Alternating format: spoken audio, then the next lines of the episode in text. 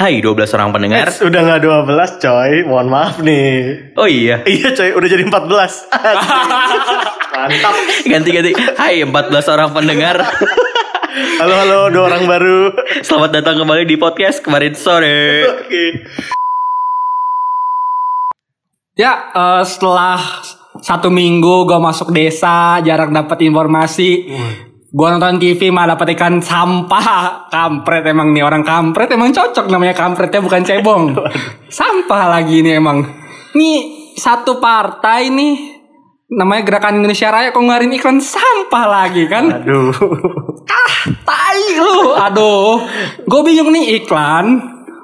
Ini tuh buat siapa nih? Kok tiba-tiba ngomongin lulusan kuliah sulit dapat kerja? Iya gitu ya. Tapi kok membatasi jalur mereka gitu loh. Lu kira apa? Lulusan eh, perkuliahan itu cuman bisa masuk industri yang formal atau pekerjaan formal? Enggak. Kalau gue pribadi, maksudnya mendukung sangat gitu eh, perkembangan industri ekonomi kreatif. Tapi kok lagi-lagi sampah ini iklannya gue bingung ngincer siapa sih ini iklannya tuh maksud gue gini eh kalau lu pengen menang ya incer tuh suara milenial yang ada 40% nah, terus kalau lu ngeluarin kayak gini hilang tuh 40% tapi lu yakin dapat 60% sisa dari jumlah pemilih yang ada di Indonesia nggak mungkin anjing kampret emang nih Pak Prabowo, Faris belum dapat kerja, jadi Nah, wajar marah-marah. iya. Gak usah didengerin. Strategi bapak udah bener. Dia tetap tidak milih bapak kok pak. Tenang pak. Ya maaf nih pak ya ya Bapak nih kurang pinter nih Saya bingung Bapak yakin tuh kolega-koleganya memang masih condong ke sana Kok saya dengar kemarin ada yang deklarasi itu Ini Faris masuk desa, masuk pesantren, Iya. bukan jadi makin islami. Malah ya nih santri-santri begini. Iya. Hati-hati bulan depan gak jadi diangkat ulama, Riz. Gak, gak. Dia kayak jadi santri berhubungan sama Habib Bahar.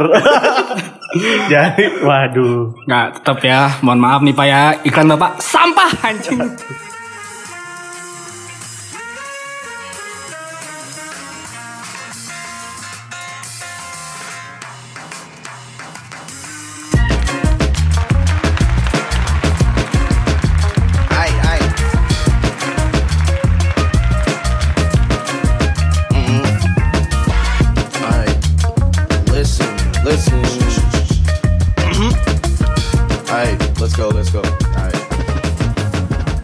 Oke, tapi oke tadi bridging awal yang penuh emosi karena menyinggung ketersinggungan banget ya. Anda kurang pintar Anda kurang pintar menyinggung hajat hidup Faris seorang. Waduh.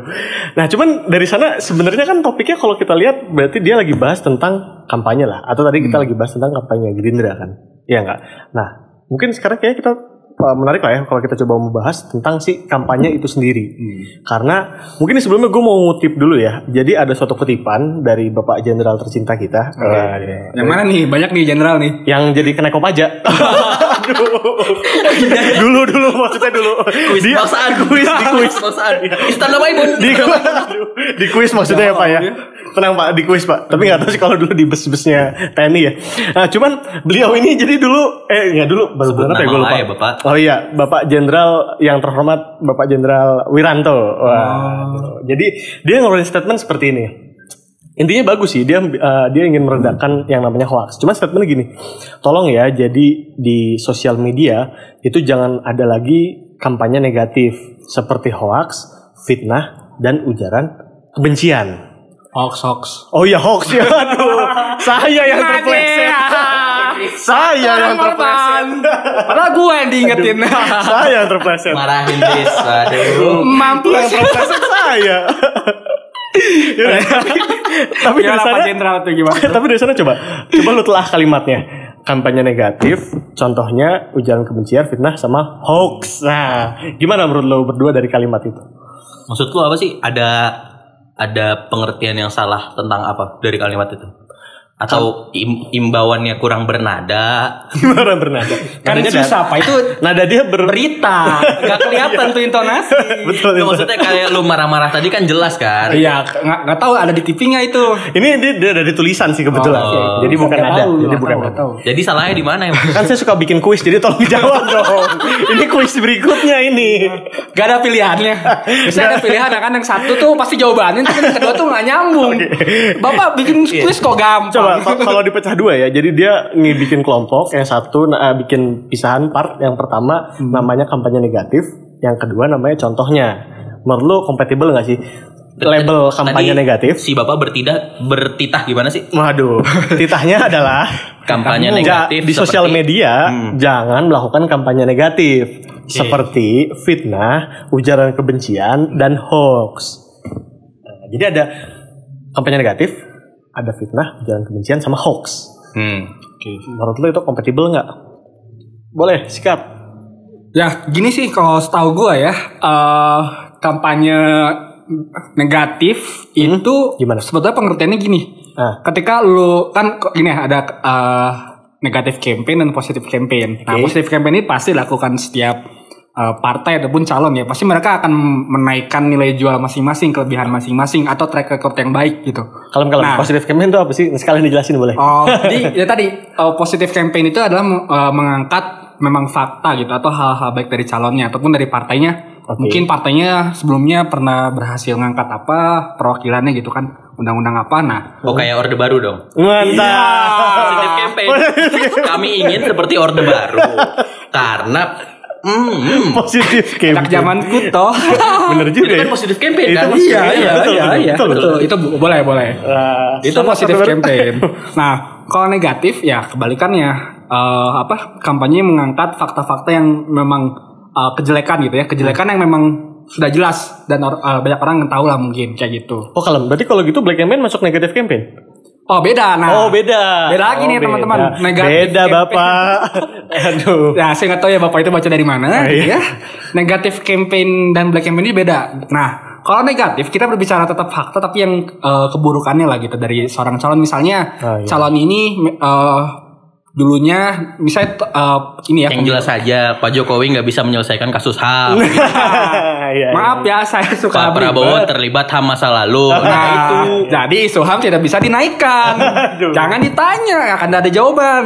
Oh jadi negatif campaign tuh kayak gibah-gibah gitu lah ya. Nah, ya, kan ngomongin- fakta kan, ya, tapi kekurangan. jelek-jeleknya. Aib aib. Gibah di mana? Fakta Pak. Gibah itu fakta pak. Oh, gibah itu fakta. Fakta. Anda Oh. ngaji dulu. Anda harusnya ikut saya ke pesantren. Santri postmodern Ah. Faris. Aduh. Makanya bukan fitnah. Berarti fitnah bukan masuk negatif campaign Nah, dong. justru kalau fitnah ini masuknya black campaign karena Ah. apa? Mengangkat uh, hal-hal bohong, hoax dan kayak gitu ya. Hmm. Fitnah. Jadi hal-hal yang nggak apa yang nggak terbukti kebenarannya justru diangkat dan tujuannya apa? Yang untuk menyudutkan kan. Oh. Kayak gitu yang mungkin tujuan akhirnya elektabilitas turun, popularitas uh, popularitas turun. Hmm. Itu udah banyak buktinya sih orang-orang yang coba melakukan black campaign kayak gitu. Oke. Itu bedanya sih kalau yang gue lihat ya mungkin Bapak Wiranto harus ngopi sama saya. Oh. Anda ngopi pakai peluru loh. Iya, ditalupa, ditalupa. Atau atau Pak Atau- Wiranto tuh sebenarnya sadar gue. Ah, gimana gimana? Kayak jadi misalnya lu gimana sih Pak, Pak Wiranto kan punya kubu ya. Ah, ah. Jadi dia pengen ngelompokin sesuatu yang sama antara negatif dan black campaign. Ah, oke. Sehingga kubu yang ngelakuin satu hal yang sebenarnya nggak terlarang dijadiin terlarang. Ah, I see. Jadi kayak mungkin ada orang lagi kampanye negatif, Ah. tapi dijadiin bilang oh ini black campaign nih. Jadi kayak gitu ya. Hmm. Oh, oke. Iya. Lu kan mempertanyakan kenapa rakyat kita tidak bisa membedakan kan? Betul. Kayaknya soalnya yang dilihat ya. hmm, Nggak diizinkan mem- untuk bisa membedakan justru. Memang sengaja dibuat supaya pusing sendiri. Nah ini barusan gue black campaign Wiranto ya. Kena lu pada mampus lu. Waduh. Aduh, ini contoh yang baik. Dani Rizky Pak, Dani Rizky Pak. Anak Riau Pak. Ghost by the name apa kemarin gue Sagittarius. Emang Wiranto nyalon ya? Eh iya lupa numpang tenar dia mah. Mohon maaf pak. Oke oke oke oke. Itu dari tentang kampanye negatif sama black campaign ya. Oke. Tapi nggak tahu sih. Gue gue gue pengen tahu juga sih kalau di ada lingkungan lu pada lingkungan lu pada lah itu masih banyak gak sih menurut lu yang pada nggak bisa bedain? Kan tadi sebenarnya itu dari yang gue lihat ya, kalau dari lingkungan gue yang gue lihat belum bisa bedain tuh negatif campaign sama black campaign. Kalau gua pribadi sih teman-teman gua memang ju- justru negatif campaign itu belum belum pernah terekspos yang sering terekspos itu adalah Black campaign. ya kampanye yang baik-baiknya gitu ya dan black campaign gitu. Jadi Oh positif sama black. ketika udah kontra dengan tidak mengkata hal baik itu dianggapnya oh itu black campaign itu black campaign padahal emang enggak gitu ternyata redaksi dari negatif campaign ini justru kalau eh, justru yang kurang naiknya itu kalau kata gua jadi Pak Wiranto ya kita apresiasi juga walaupun definisinya salah gitu ya Ya berarti Pak Wiranto tuh menyesuaikan pasar gitu ya. Biar pasar nggak bingung. Itu sih kalau gua ngeliatnya justru emang redaksi negatif campaignnya belum naik sih Lu pertanyaannya gimana? Teman-teman lo atau Teman-teman lingkungan lo. Nah, udah bisa bedain belum sih negatif campaign sama black campaign? Oh. Lingkungan gue anaknya positif semua. Wah, jadi cuma tau positif campaign ya? Waduh. Enggak sih maksudnya gue nggak tahu juga. Gue bingung gimana indeks gue harus ngukur orang bisa ngebedain negatif apa enggak. Oke. Karena kayaknya kita nggak dalam sesi point out.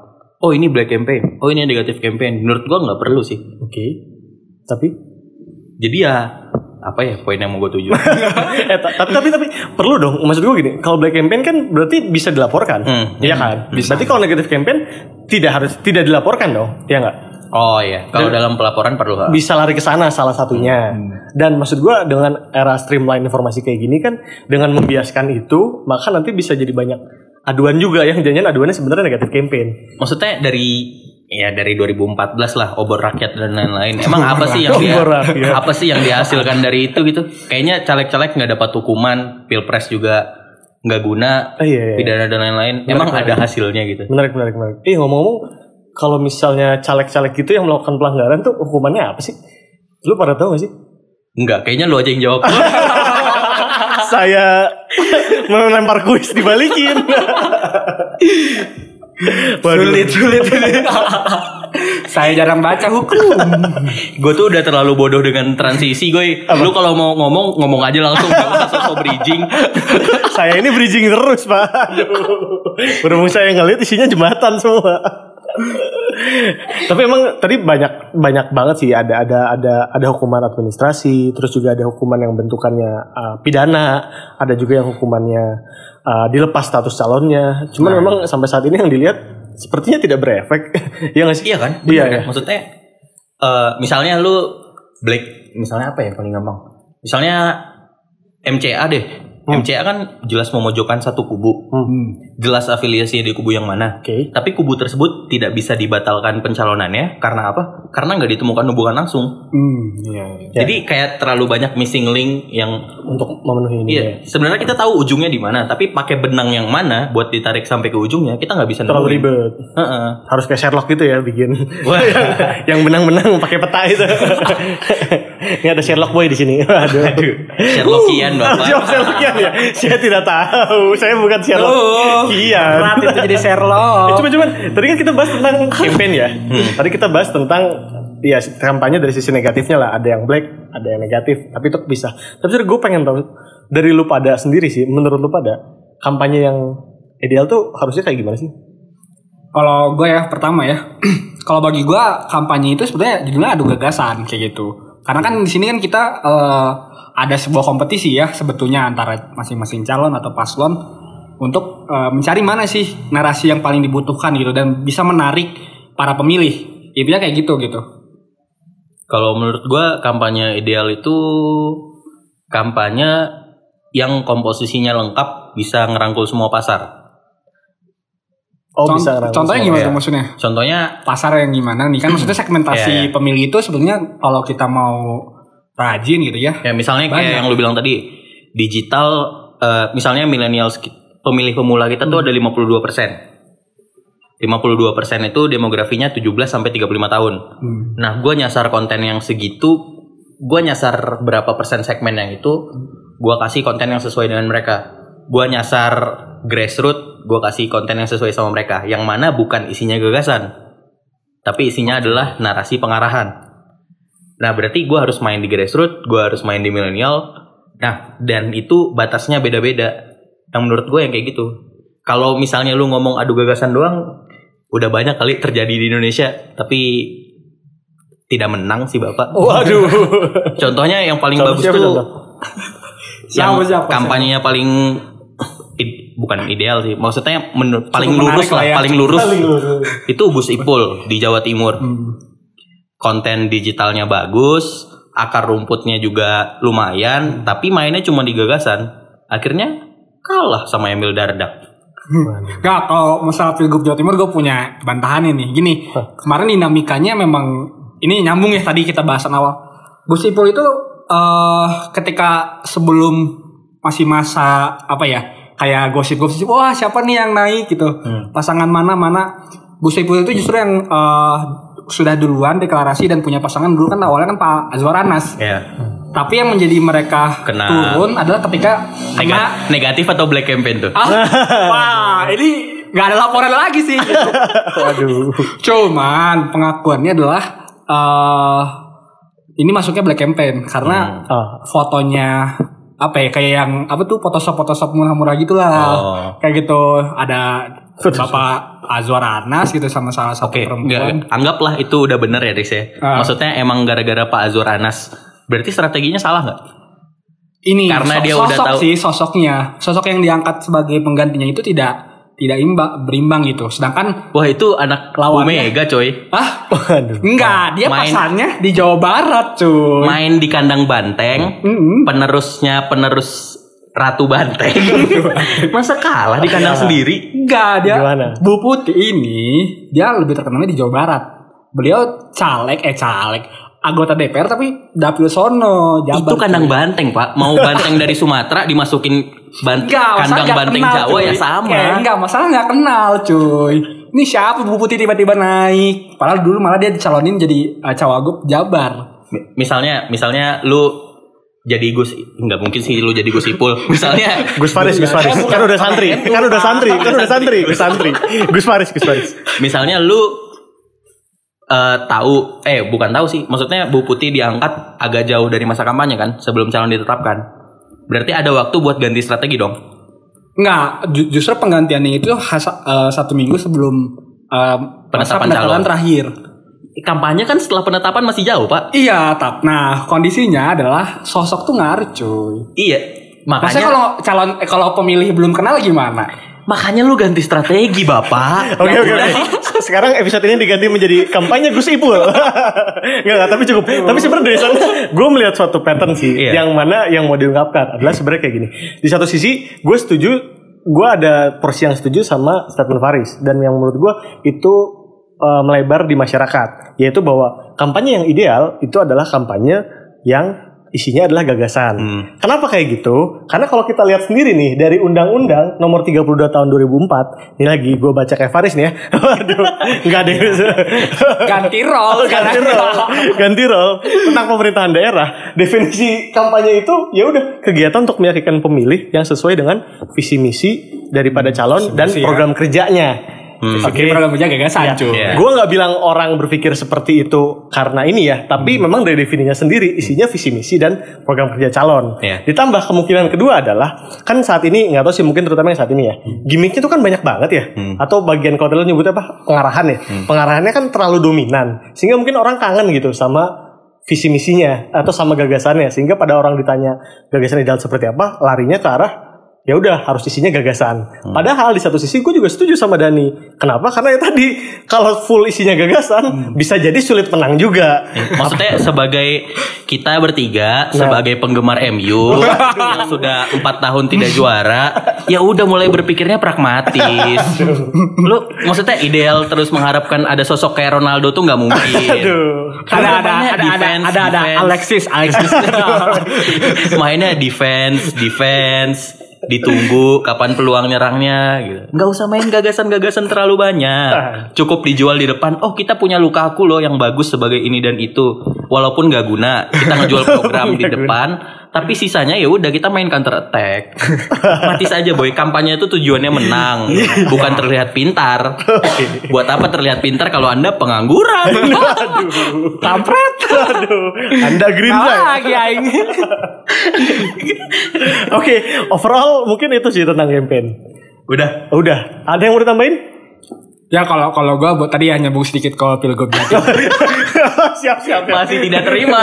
Satu kali ya, satu kali ya, satu kali masing-masing satu, Nah, masing-masing ya, satu. Ya, ya gue karena kita ngomongin musik full mulu, gue Iya, mau, iya. mau appreciate Bu Hovifa sih. Ah, iya, Khususnya gimana? eh, Bapak Emil Dardak nih. Karena gue gua merasa cara kampanye memang bagus sih.